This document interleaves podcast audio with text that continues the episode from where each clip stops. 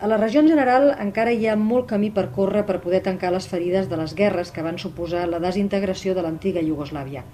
El cas de Bòsnia i Herzegovina és especialment complicat.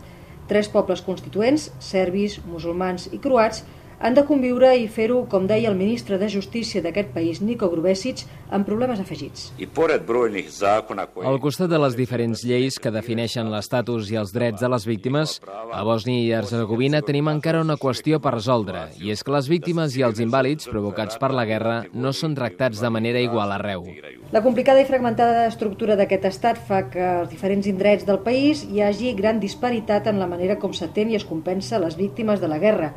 Víctimes que, en la majoria dels casos, reben compensacions molt minces o atenció molt limitada causades per la difícil situació econòmica del país. Bòsnia i Herzegovina és una de les economies més febles d'Europa.